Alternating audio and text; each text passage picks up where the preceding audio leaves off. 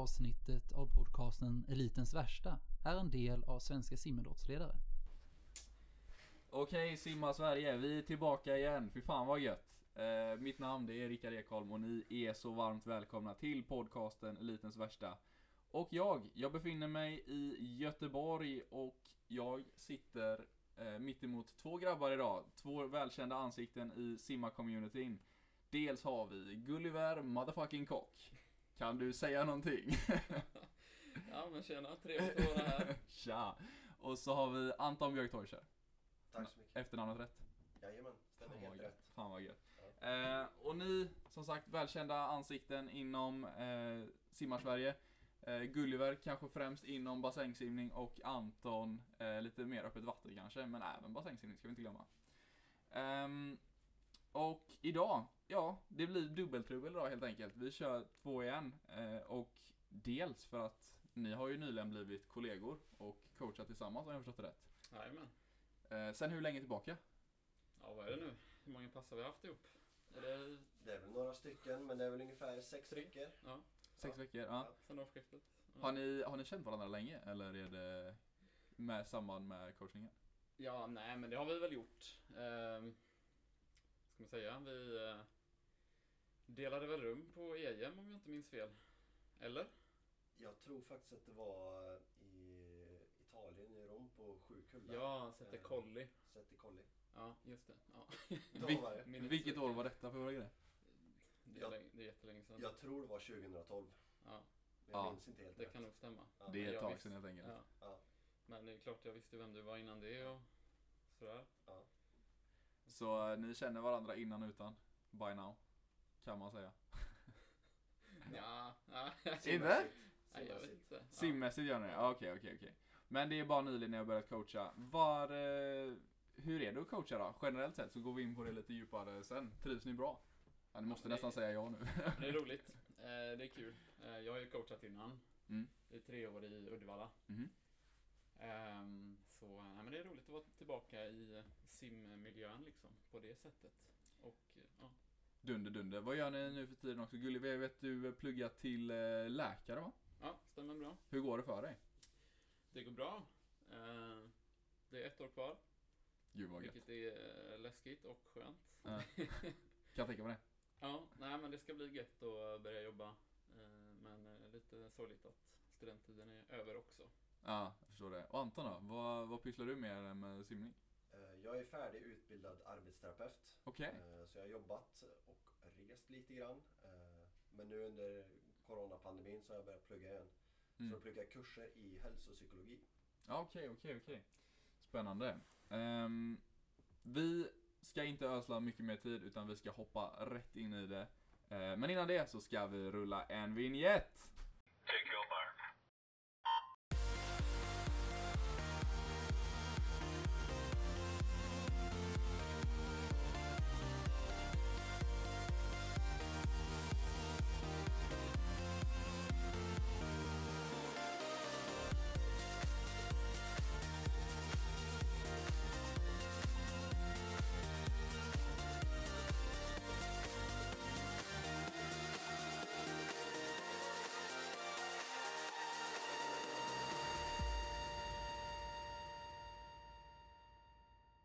Och wow, där klingar vignetten ut. Och grabbar, det här är podden Elitens värsta och i denna podden så kör vi fyra stycken standardfrågor som jag alltid ställer. Ehm, första gången med två gäster. Ska bli spännande, men eh, det grejar vi. Så, första frågan. Eh, Anton, vilket är ditt allra bästa simminne? Mitt allra bästa simminne.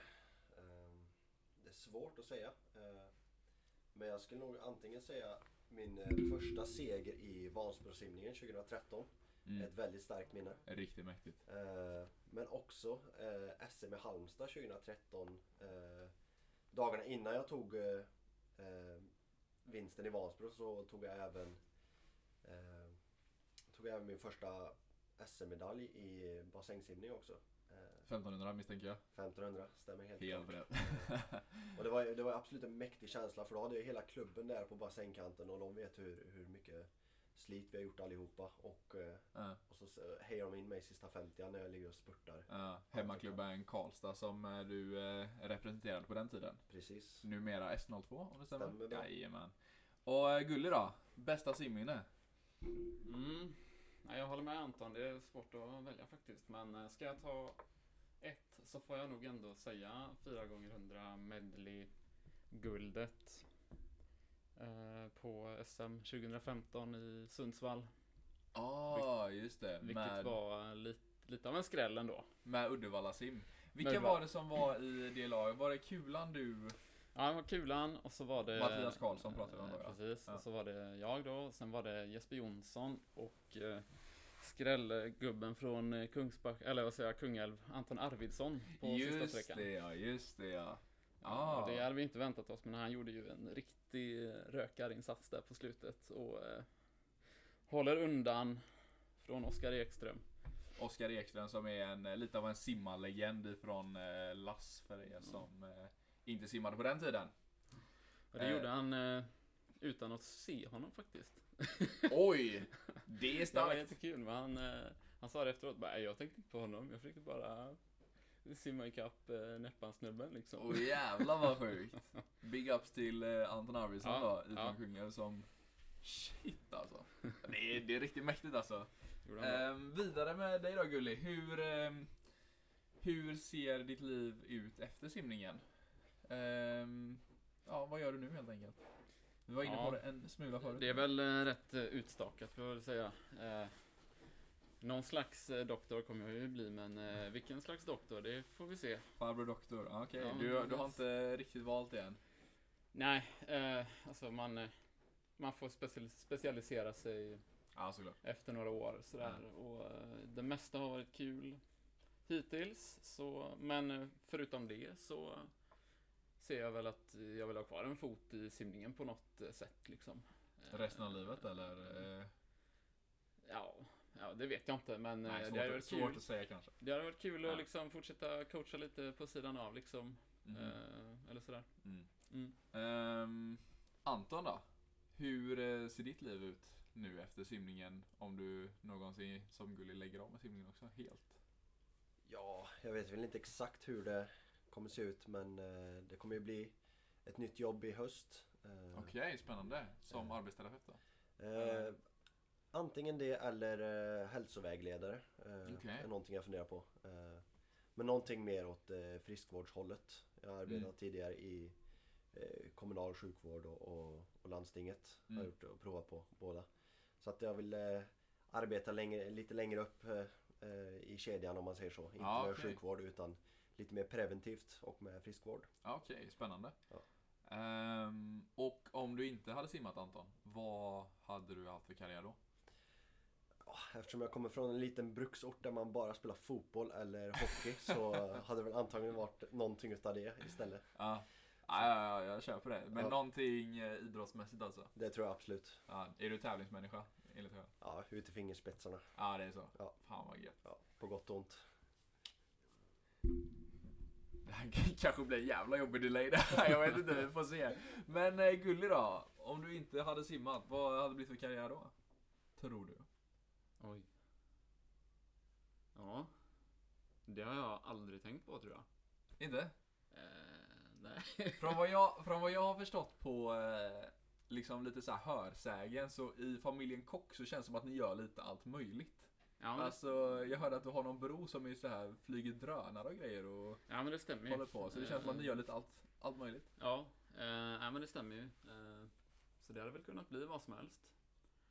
Eh, men eh, ja, ja, som alla andra när man var liten spelade fotboll och pingis och Ja. eh, sådär. Men eh, ja, pappa var stavhoppare. Han ville att vi skulle testa friidrott men Fan vad fett. det blev aldrig det. Men något sånt kanske då. Ja, shit, okej. Eh, och för att avsluta standardfrågorna så eh, får jag fråga, vad är bakgrundsbilden på din telefon, Gulli?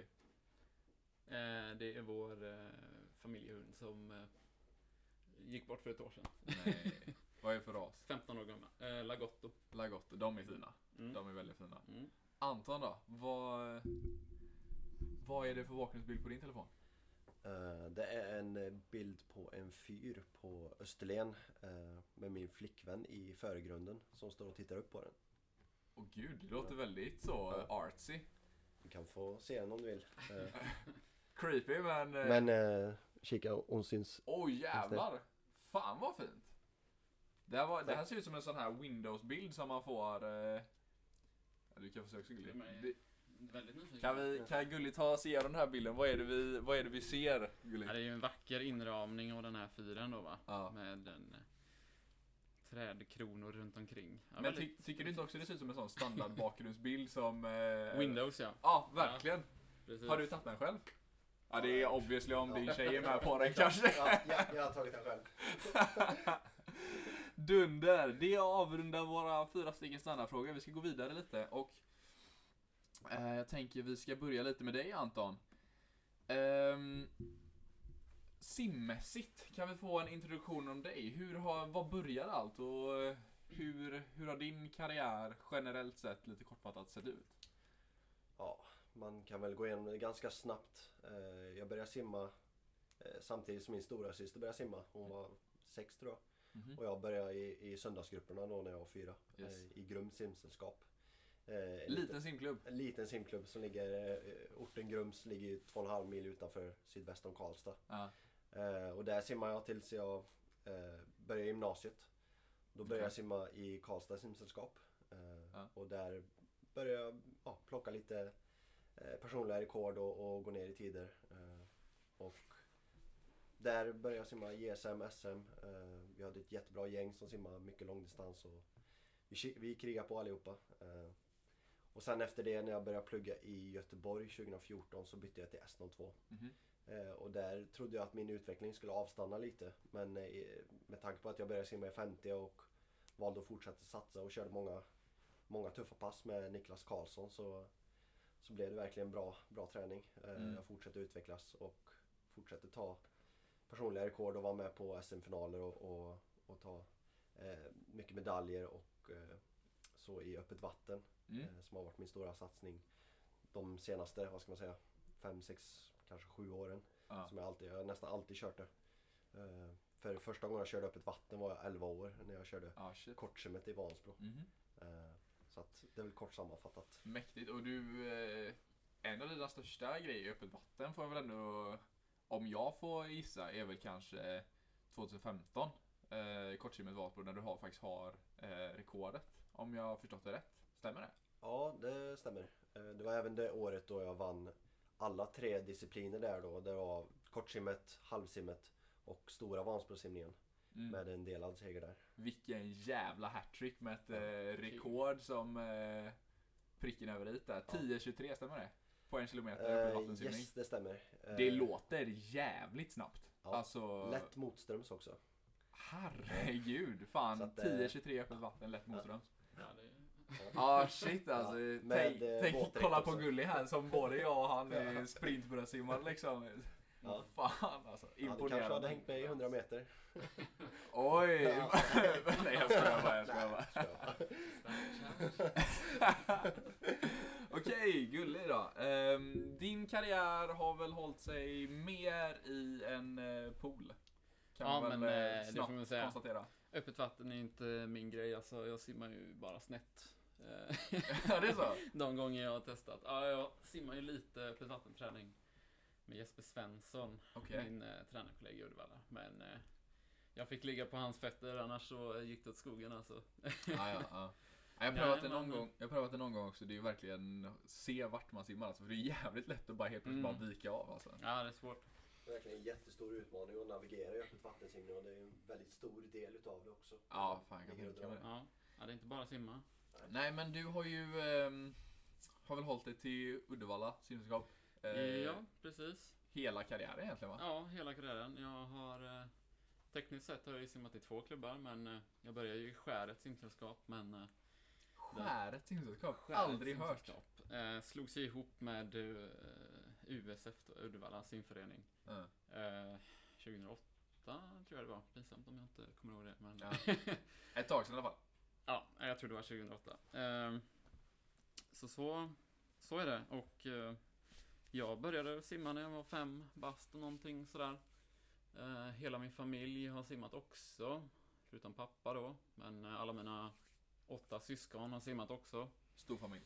Eh, ja, så att eh, det var ju naturligt eh, att bara haka på Ja, ja in till badet. Ja. Så jag har spenderat mycket, mycket tid i Valkersborgsbadet i Uddevalla kan man ju säga. Ja, verkligen, verkligen. Ja. Och ehm, ja, var det självklart att du var en talang redan från start? Eller hur? Eh, Uh, ja, både ja och nej. Eh, alltså, jag är ju född bröstsimmare liksom. Det såg Ja. väl alla och det är många i min familj som, som var det.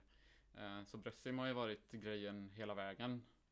Eh, men jag hade ju inga direkta framgångar tidigt, liksom på sumsim och sådär. Innan dess plockade man ju medaljer på knattetävlingar och sådär såklart. Mm. Eh, men nej, sumsim var, var ju i finaler och sådär, men och några enstaka medaljer, men lossnade inte förrän lite senare. lite senare som är, får- om du får gissa, typ, var det så här, typ första JSM-tävlingarna liksom? Eller var det sen sumsim eller? Ja, nej men det, ja, första JSM-tävlingarna i gymnasiet där, eh, ettan, tvåan, eh, någon gång så började det hända grejer. Mm, ja, okej, okej. Jag växte ju till ganska sent också, så Ja. Men kolla på det nu gubben, fan. En annan bicep liksom. Okej, men eh, Anton då? Du eh, började ju eh, Du började ju i eh, bassäng. Ehm, men när, när skedde, vad ska man säga, vad kan man kalla det? Tran, transition? The transition mellan, mellan bassängsimning och eh, öppet vatten. Var det när du, när du bytte till SNL2 som du nämnde tidigare eller var det, var det långt tidigare än så? Det var som jag sa tidigare att jag var ju 11 första gången jag simmade Ja. utomhus. eh, Och jag har ju liksom kombinerat bassäng mest på vintern för att Sverige är ett sånt land som att man kan simma ut på. Nej, precis. vintern. precis. Eh, Och så simmade jag ute på sommaren då och körde lite tävlingar. Eh, mest för skojs skull liksom. Min farsa tyckte att han hittade något lopp liksom. Men det här verkar ju skoj liksom. Så här, Vansbrosimmet och kortsimmet och vi hittade Göta kanalsimmet liksom. Vi simmade i Göta kanal nere i Sjötorp och lite sånt och det är inte Mm. för långt hemifrån heller. Mhm. Så att eh, jag, började simma det för att det, det var ju skoj att köra lite udda tävlingar på något sätt. För det är inte så många som gjorde det här. Eh, och det var väl först när, när på senare år när eh, 2008 när 10 km öppet vatten blev en OS-gren liksom som det verkligen började alltså, braka loss och fler simmare började inse att det är faktiskt en stor gren att man kör mycket ute. Mhm. Men eh, jag fortsätter att kombinera bassängsimning med öppet vattensimning för att jag behöver ju den grundträningen och det är lätt att ligga i bassäng och se sina tider och, och man ser mer exakt. Och sen så eh, kompletterar jag med, med att köra eh, navigering och, och specifik ut, öppet vattenträning eh, utomhus. Mhm. Bojrundning och, och, och lite sånt också. Oj shit, ha- är det verkligen så att man på riktigt tränar på att liksom kunna hitta, vad heter det, landmärken eller landmarks liksom och följa så? Absolut. Eh, Herregud, ja men det, är- det ju förståeligt. det liksom. behövs eh, Ja. så, att man, så att man verkligen simmar snabbaste vägen. Ja, Eh, ja. Och även vid sån här bojrundning, det blir ju som en flaskhals när det är flera simmare på väg in mot samma boj. För Ja. alla vill ha innerspår liksom. Mm. Eh, och det är ju ja, det är lite som eh, att man, man, kan man brottas nästan lite ibland eh, på vissa alltså, delar av banan och det är inte riktigt, riktigt övervakat av Nej, funktionärer på samma sätt för det är mörkt vatten och ser inte om det är någon som gör något fulknep. nej. Och det är ganska vanligt ute i Europa att det är lite ännu mer fulknep. Ja. Eh, Ja, jag, jag har hört en del rykten om det och jag kommer gärna tillbaka på det sen. Och, Mm. Men jag tänkte börja kolla med dig. Du har ju som sagt både briljerat i bassäng, eh, internationellt och nationellt, eh, men även i öppet vatten. Förutom det här eh, landmark-träningen, att man, eller navigeringsträningen om man nu ska kalla det. Eh, vad skiljer sig vad skiljer sig mest liksom i träningsupplägget? Vad, vad ändrade du mest? Var det volymen eller var det eh, ja, men någonting helt annat? Ehm, det blir ju helt klart mer volym på ett annat sätt eh, utomhus. Man ligger och bara kör. Det blir inga vändningar, ingen vila för axlarna. Man ligger bara och matar. Sen så blir det ganska annorlunda om väder och vind påverkar. Om det är lite småvågor som skvalpar och slår mot axlarna på något sätt. Eh, Mm. Det, kan vara, det kan vara utmanande på ett annat sätt. Eh, och sen om man kör med våtdräkt eller heldräkt som man kör i öppet vatten. Eh, det blir ett annat vattenläge, eh, helt annan simning. Och det är helt andra saker att tänka på under ett lopp eftersom du kan ligga och pacea dig bakom en simmare och spara energi på det sättet. Mm. Medan i bassäng så har du en helt egen bana och det är bara du och vattnet. Om det inte är skvalp från någon simmare på Ja. bredvid då, men mer än så är det ju faktiskt inte. Nej. Medan utomhus kan det vara helt andra förhållanden. Mm. Eh, många andra simmare som ligger nära, som ligger tätt. Och djur och saker som kan finnas i Ja, vattnet. just det. Eh, Fan vad sjukt. inte hajar eller så, men eh, maneter tänker jag Ja, främst på. De ja. är ju förjävliga alltså. Ja, jag kan tänka mig det. Kan verkligen tänka mig det. Um, Gulliver, Mm. under din elitsatsning som eh, kanske främst eh, sprintbröstsimmare skulle väl jag kanske beskriva det som. Skulle du hålla med om det? Eh, ja, både ja och nej faktiskt. Eh, alltså i början, när jag... Eller i början, början. Men när jag var som bäst, som jag får säga, 2014, då var det ändå lika delar sprint och Mm. 200. Eh, Ah, Okej, ja men eh, absolut. Ja. jag visste inte riktigt vad jag skulle förvänta mig där, men skitsamma. Ja, ja, ja. Ja, nej men eh, hur, hur såg eh, din typiska träningsvecka ut? Var det någonting du gjorde som kanske skilde sig väldigt mycket eller var det det här standard gamla skolan? Mycket meter och mycket, mycket gnet helt enkelt? Eller vad, vad definierade din träning? Tror du? Eh, ja. Bra fråga. Eh, alltså min träning har väl egentligen... Eh, min seriösa satsning, den skedde väl egentligen efter gymnasiet.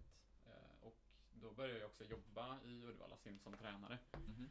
Så utmaningen var ju hela tiden att eh, balansera jobbet och min egna träning liksom och kunna få in så pass mycket träning som behövdes och, men samtidigt palla med jobbet liksom. Så man fick vara lite finurlig och hitta på bra lösningar och ja, men ibland kanske jag jobbar sent på kontoret liksom eller eh, och liksom ja, tider blev lite konstiga kanske. Mm.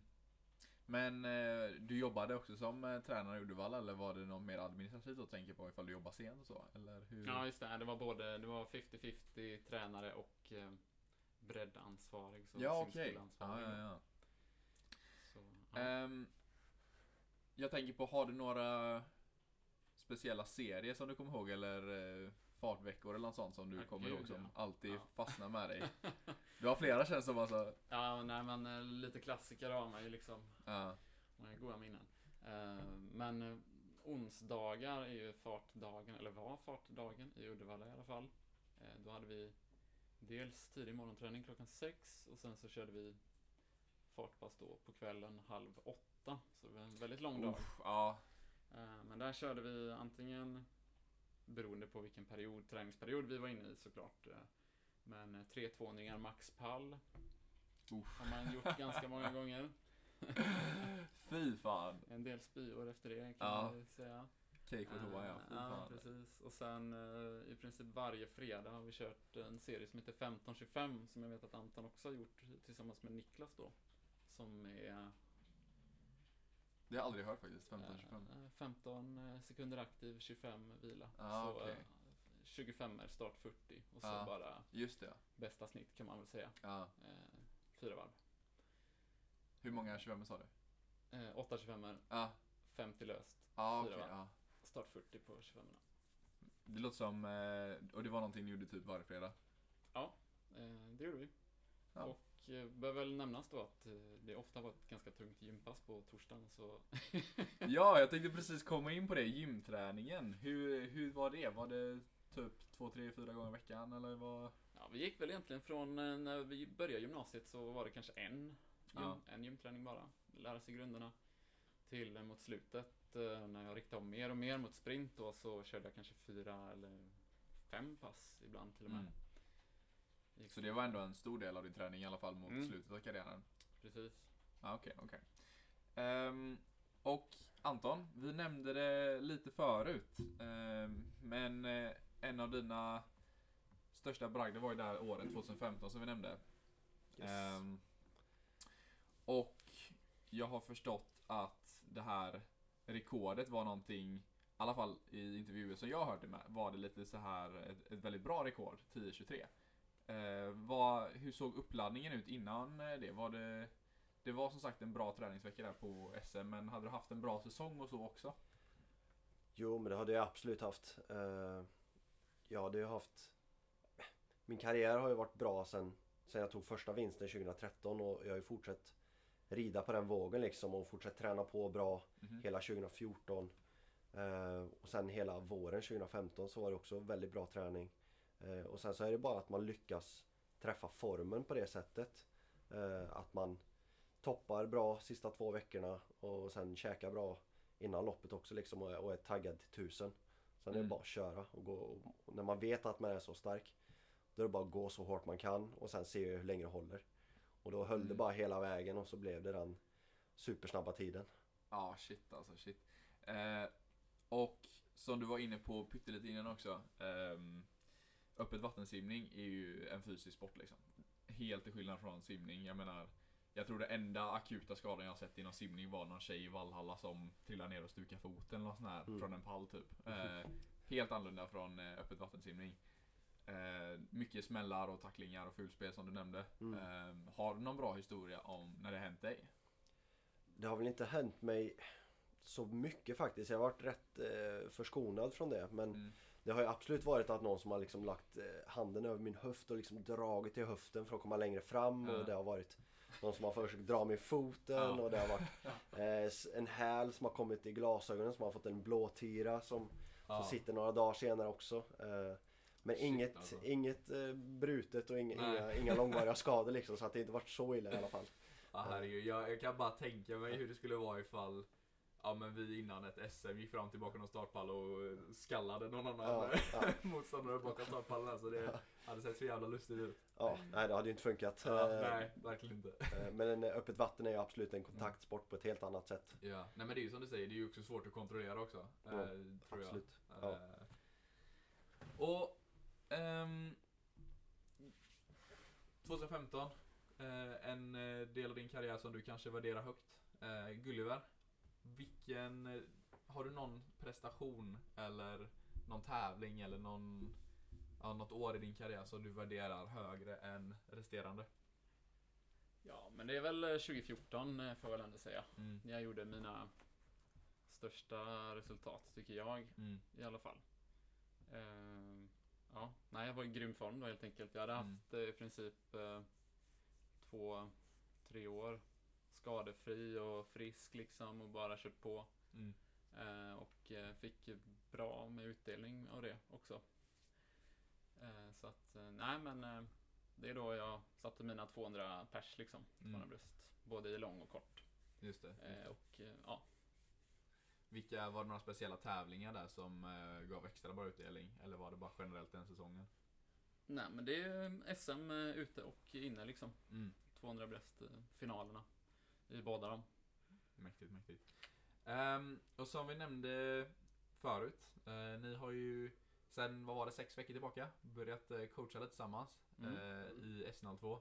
Kanske ska nämna det, vi sitter i S02s eh, kansli idag och tjötar lite. Och ni har ju fått B-gruppen här och jag har förstått rätt. Jajamän. Ehm, bra. hur, eh, hur är det att coacha tillsammans efter ändå att ha eh, ja, men halvkänt varandra liksom i ändå, vad blir det, 8-9 år? Hur, hur är Mm. det? Ja, hittills har vi bara haft ett fåtal pass tillsammans faktiskt. Ja, okej, ja. Resten har vi haft eh, uppdelat, men det är klart vi snackar ju om eh, upplägg eh, och sådär. Eh, Men eh, det ska bli kul och eh, när det väl släpper alla restriktioner och sådär Mm. och köra igång på riktigt liksom Ja, precis. tillsammans. Men eh, tycker man märker ju redan nu att vi har ganska lika tankar om eh, träningen. Mm. Det är väl en eh, liten del av Niklas-träningen som eh, lever vidare där kanske. Ja, det, det kan ju vara så att man är lite färgad helt enkelt. Men eh, jag tror också att det blir bra att man kombinerar varandras bakgrunder. För man har ju alltid lite annorlunda saker med sig. Och framförallt när jag har långdistans med mig också så, och Gulliver har ju mer sprint. Och då kan vi ha de olika perspektiven där också på simmarna. Mm. Och komma med lite annorlunda serier för dem också. Försöka ja, spicea upp passen lite så det inte blir eh, ja, samma serier alltid liksom. Mm. Men ni tänker ändå relativt lika när det kommer till kanske träningsplanering och så? Eh, Eller? Ja men det tror jag. Mm, Det mm. tror jag. Absolut. Nej, det var skönt att du kom in för långdistans. Det, det är inte min kopp te alltså. Men du, det här, jag tänkte på det här, det med 3 200 Max Pall Gulli. Det är, Ja. inget, är det något du tar med dig eller till eh, B-gruppen? Nej, om de lyssnar nu så de kan väl känna sig lite lugna ett tag till i alla fall. Ja. Fan dunder. Ehm, förutom det här att eh, Anton som kanske specialiserar sig lite mer mot eh, långdistans och Gulli en aning kortare. Vad, om jag börjar med dig Anton, vad ser du främst skiljer sig i Gullis sätt att coacha från ditt eget? Ja, vad ska man säga? Eh, Kanske är svårt men... Ja, det är eh, jättesvårt. Eftersom ja. vi bara haft några fåtal pass tillsammans så, eh, så kan jag inte säga några specifika jättestora skillnader så. Men det är väl främ- främst eh, att det är ett helt annat teknikfokus och sprintfokus. Mm. Medan jag kanske kan tycka att ja, men det är bara att de ska simma ganska mycket nu. Mm, du vill Ska- bygga lite mer bas, Ja. aerobbas. Jag, jag ser ju den grunden när man är i de yngre åldrarna att det behövs ju alltid. Tänker jag. Och man kan ju specialisera sig sen när man är ja, 15, 16, 17 liksom. När man kanske börjar se vilket, eh, vilket simsätt man är verkligen bäst på och eh, vilken distans man verkligen vill köra.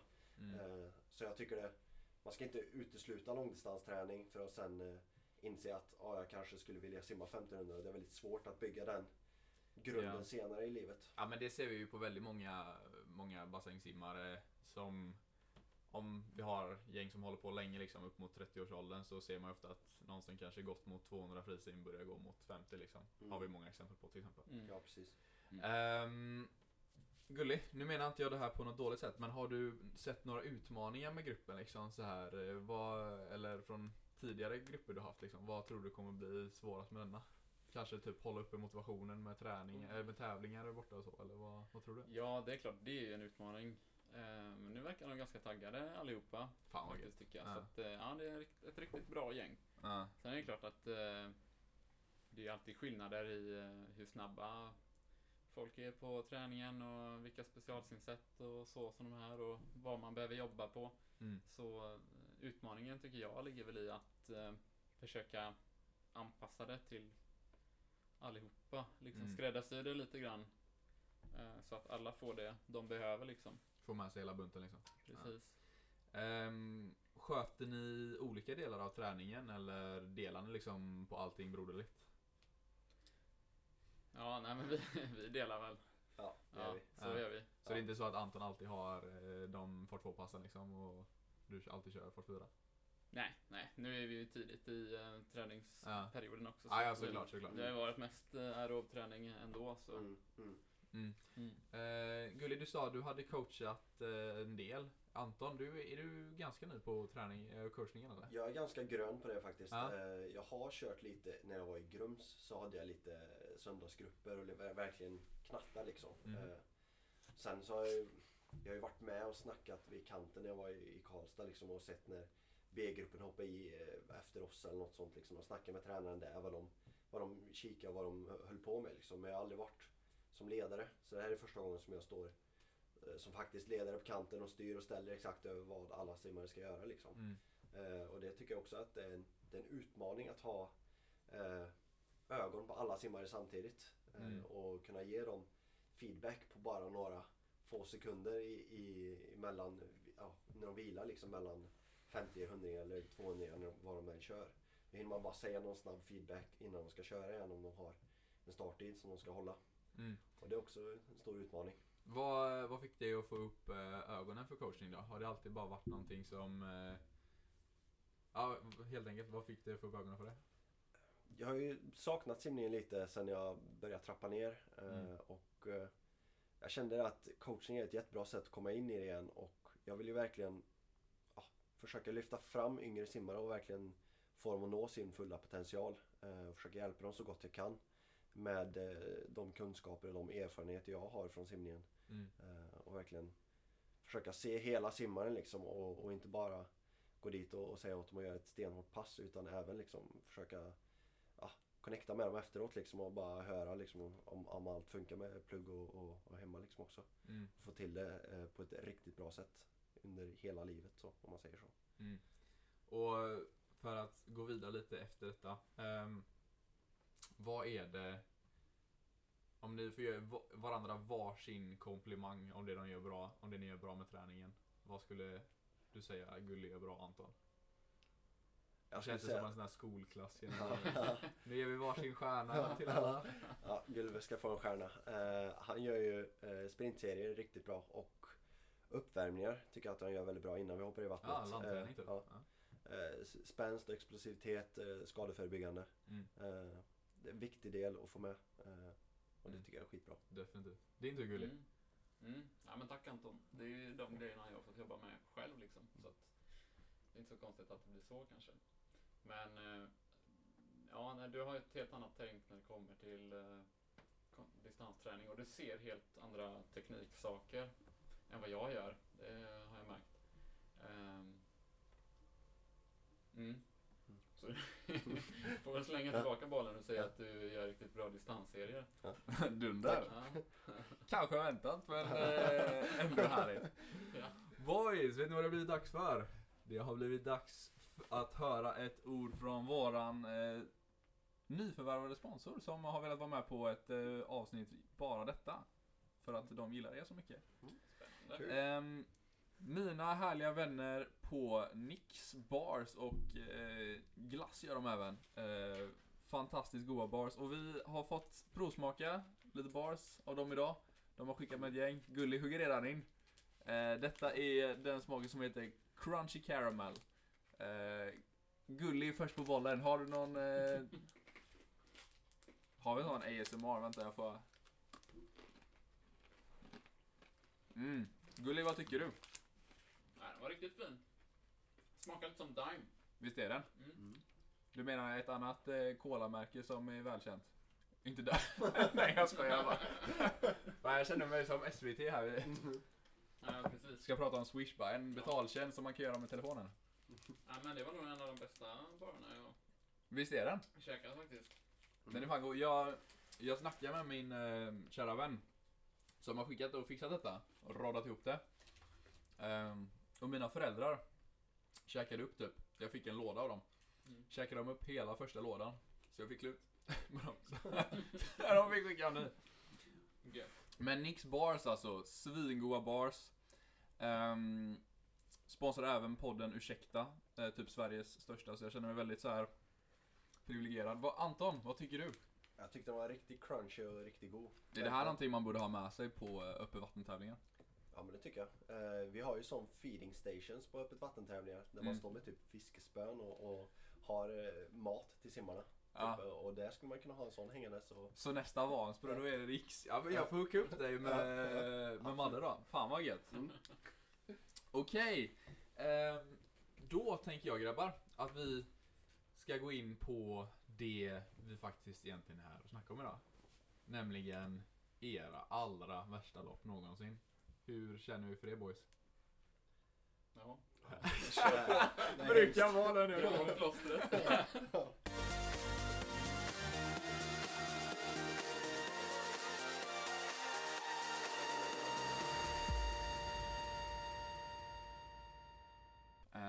men grabbar, nu, ehm, nu pallar inte jag vänta längre. Vem känner sig manad? Är du sugen eller? Ja, okej, jag börja. Okej, Gulli. Ja. Ehm, Eh, ja, alltså själva loppet i sig var ju ingen katastrof faktiskt. Eh, men eh, det hände ju saker under loppet som inte var så nice. kan vi börja Eh, så här? Vilket, vilket år är det vi tänker på? Har du koll på det eller är det bara Once Eh, upon a time? Alltså det var NJM i Vasa i Finland Mhm, och eh, det var väl 2011 mhm. tror jag. Ja. Ja. Ehm, Var det en av dina första landslagstävlingar eller var du mer rutinerad vid det här tillfället? Jag hade varit med på NJM innan i Bergen, två år Mhm. innan, och EJM också i Finland eh, året innan. Så eh, det var inte första gången. Nej, 2011 var det inte, 2013 tror jag det var. Det var så här pre-seniorklass. Just det ja. Ja. Ah. Ja, Ja, ja, du är med. just det. Ja. Nej, men eh, jag hade precis eh, dragit ut två visdomständer. och eh, ja, för det första så hade jag ju inte kunnat käka så himla mycket dagarna innan, så jag hade droppat några kilon. Ja. Eh, herregud. Kanske inte vad man vill göra under toppning då, men... nej, inte den bästa uppladdningen. Shit alltså. Sen eh, samtidigt så hade jag räls. Ah. Eh, riktigt fin räls. Eh, och jag var ju sydd inne i munnen va.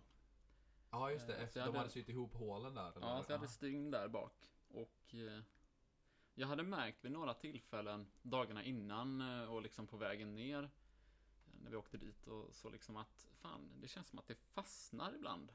Liksom. Jag fattar inte vad det var liksom. Men när jag satt och käkade så kunde det liksom eh, munnen kunde låsa sig typ. Eh, Men det här så, låter jättesjukt. Ja, Okej, ja. Eh, inte så sjukt, väldigt enkel förklaring men eh, jobbigt ändå. Nej, men eh, så jag tänkte inte mycket mer på det här. Det, det löste sig liksom. Eh, och sen kommer 200 bröstförsöken då. Och eh, ja, hoppar i, kommer väl till 75 meter kanske. Mhm.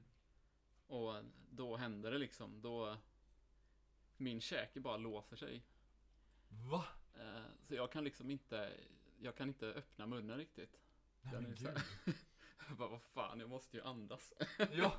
ja, vad fan är 200 bröst vi pratar om? Nej, så, eh, så jag fick ju bara liksom öppna munnen så mycket jag kunde liksom. Någonting går sönder nu men, eh, det Men alltså, på, om du får uppskatta, hur mycket, hur många centimeter liksom kunde du öppna munnen på ett ungefär? Eller var det bara att det att det gjorde jätteont? att Alltså jag hade, det var som att andas genom ett sugrör. Oj, så- men shit. Men eh, man forcerar ju smärta i en sån situation. Det gjorde jag i alla fall. Så jag öppnade ju bara munnen så mycket jag kunde och så Mm. kände jag att någonting gick lossa liksom. Eh, Nej, men eh, så, alltså. ja, så jag körde ju på och det var, Ska jag börja här, först och främst ingen bra tid eller? Alltså grejen var att det var, nej det var inte strålande. Men det var, men det, det var sju simmare och finalen skulle ändå vara åtta liksom. Så eh, man kunde Oj. chilla, så det gjorde inget. Men jag kommer upp där, från, eh, hoppar upp i vattnet och bara börjar spotta massa blod. Och funktionären står bara och gapar och bara Vad är det som händer? Ja, ja. Alltså, ja. Eh, ja men det gjorde ganska ont. Och eh, Ja, får ju liksom eh, Vi hugger tag i eh, tävlingsläkaren liksom och så eh, Tar vi oss in till något Till sjukhuset där i Vasa då som var helt nersläckt. Det var inte en kotte där. Vilket Ja. också var jäkligt konstigt. Bara, nu eh, Ja nu blir jag inlåst och nu dör jag snart. ja typ, precis. En riktig så... Eh, Ja, jäkligt konstigt. psykfallssjukhus, liksom. Nej men det som hade hänt var att eh, när de hade sytt visdomständerna Mhm. så hade de lämnat liksom en ögla. Så det var liksom What? ett Det låter stygn, helt sjukt ju. ett stygn som var som en ögla liksom. Och det hakade fast i min tandställning. Nej men gud. Så, Det låter helt sjukt. Ja, det var, det var inte skönt. Men eh, den hade jag ju liksom, jag hade ju ryckt loss hela stygnet liksom. Au! Så det var ju öppet. Au! Fan vi får lägga på sån här parental advisory, du vet som på rapalbum du vet. ja, precis. Fan viewer discretion advice Ja. alltså. Shit alltså, det låter helt sjukt Gulli. Nej men så den här finska läkaren han eh, tittade in och bara, ja ja. Så bedövade han och sydde ihop mig så var det inget mer med det liksom. Åh Eh, herregud sen i alltså. finalen gick det bra. Det var pers med två, tre sekunder eller någonting så. Det låter ju helt absurt alltså. Ja, ja ibland, det, ibland går det bra när man inte hinner bli nervös. Så alltså ditt allra värsta lopp är försöken från 2013 sa vi? Mm. NJM. NJM. Ja. Herregud. Ja det låter helt sjukt. Men eh, ja, det gick bra i finalen så slutet gott, allting gott, eller vad säger man? ja, men det får man ändå säga. Dunder! Ja. Anton, du som valde Gullig och före, hur fan toppar vi det här då? Ja, jag vet skojar. inte alltså, det Jag- går inte. jag skojar bara. kan gå eller? Ja precis, vi, vi... Tack för att ni har lyssnat allihopa. Nej men okej, jag är skitspänd på, på att höra vad du har att berätta för mig Anton. Ja, eh, jag har ett eh, minne från eh, en Europacup-tävling i Danmark i Mhm. öppet vattensimning. Eh, minns jag inte om det var 2014 eller 2015. Mm. Men det är i alla fall att vi ska simma i centrala Köpenhamn Okej. i, i eh, runt, en rundbana som är jag minns inte heller om det var 2000 meter att du skulle köra fem varv och komma upp i, i 10 000 meter eller om det var 2500 meter och det var fyra, fyra varv. Ja det var 10 000 meter i alla fall. 10 000 meter i alla fall eh, och varvbana. Eh, Långt som fan Ja. alltså. Ja, det, bara det är ju skrämmande liksom. Ja, ja men verkligen alltså. Hur, hur, alltså innan vi går på det, alltså hur, hur laddar man mentalt för 10 000 meter upp ett vattensimning?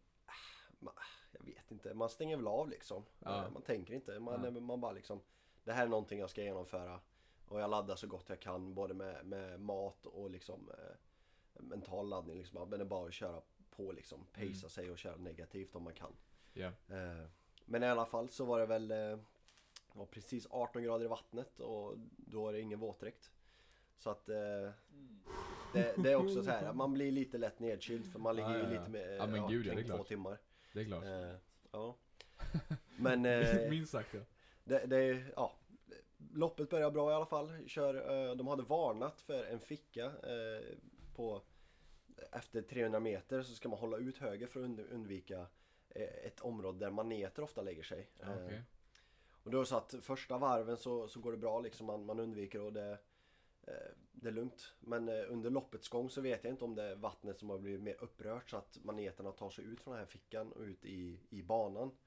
Eh, så näst sista varvet så lägger jag hela vänsterarmen över en manet som glider under min underarm. Så jag Oh. bränner mig på hela vänsterarmen. Och du har ingen våtdräkt heller? Nej, så att jag är helt uppbränd på vänsterarmen. Eh, men det, det är ganska lugnt eftersom jag ligger 18 gradigt vatten så att det är Ja, det är- kyla på, liksom. Så att Jävla bra aloe vera liksom. Ja, precis. Det känns helt okej. Eh, Men sen på sista varvet så lägger jag högerhanden på en annan manet. eh, Ungefär vid samma men ställe. driver! Den maneten glider in över min underarm, på mitt ansikte, ner över mitt bröst. Och sen ut över mina lår och på mina fötter och sen under fötterna också ner inne i mina kickar. Oh. Eh, Så jag, jag slutför och det sticker ju på hela, hela kroppen liksom, Ah, hela ja, ja. framsidan av kroppen. Ja, ja, Eh, ja. Eh, Men det är ingenting jag tänker på när jag är i vattnet. Jag ska bara fullfölja och jag liksom spurtar och håller på liksom. Men sen när jag kommer upp efter loppet och jag är lite lätt uttorkad, jag är lite lätt nedkyld. Lite lätt Ja. uttorkad Ja. och lite lätt nedkyld. Ja, och lite halvt sönderbränd av maneter så, så får jag gå till läkartältet och eh, där börjar jag eh, rycka och skaka okontrollerat eftersom eh, manetgift är ju påverkar nervsystemet. Ja. Så jag börjar få okontrollerade ryckningar. Ja men typ lite Eh, så här nästan Ja, Tourettes-aktigt typ lite? Tourettes-aktigt och lite Ja. magen rycker och det liksom rycker i, i, i Åh halsmuskulaturen. herregud vad läskigt. eh, väldigt, väldigt obehagligt när, det- när det är ofrivilligt på det sättet. Ja, ja, ja, Eh, så när jag börjar bli uppvärmd så rycker det mer och mer eh, Ja, i princip. Men då sitter jag i läkartältet och, och liksom rakar av mig allt hår för att få bort alla manettrådar om det är Ja. några som finns kvar. Smörjer med bedövningssalva liksom. Ja. Och jag får gå och lägga mig i liksom värme, värmestugan där som det är 40 grader i bastu. Och så får jag ligga där och dricka massa Resorb och Ja. jag rycker ju nästan hela tiden till, att- till att börja med. De, de undrar liksom Ska vi ta honom till sjukhus? Ska Ja. vi behöva åka till akuten och liksom diagnostisera och se om det är någonting på nervsystemet men Successivt så rycker det mindre och mindre så det rycker ja, var, varannan minut och sen så rycker det var femte minut och sen Sen så börjar vi inse att det är nog ganska lugnt liksom. Det börjar återhämta Ja. sig. Ja men gud vad skönt. Men det var fruktansvärt. eh, Jag satt och Oh. grät i läkartältet alltså när de satt och rakade mig. Så att, tänka eh, mig det, det alltså. det var Herregud. helt fruktansvärt. fruktansvärt. Ja ja, gud ja. Så att, eh, nej fy fan. Ja det låter verkligen galet. Men får jag fråga, hur, hur gick loppet? Generellt sett. Jag vet inte, alltså det, i Europacuptävlingar så är det ju, det är ju tuff konkurrens. Att, eh, det var ett gäng som drog direkt från början och jag hamnade i andra klungan där. Så jag låg med i andra klungan och, och var väl, kommer inte ihåg vad jag blev placerad, om var 15 eller någonting där då. På en men i fan Europacupen Ja. låter det ändå jävligt Ja, bra. ja.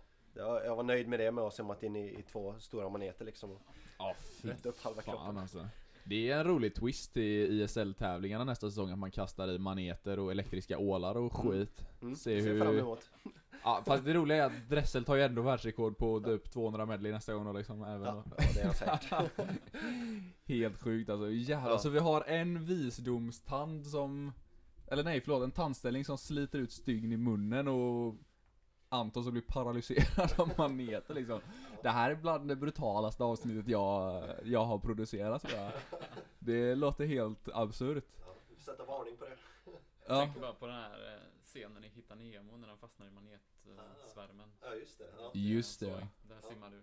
Ja, men det, ungefär så var det nog. Eh, Det kan man Ja säga. men fan du har ett jävla starkt sommarprat alltså. Ja. Det, det måste man ändå ge dig alltså.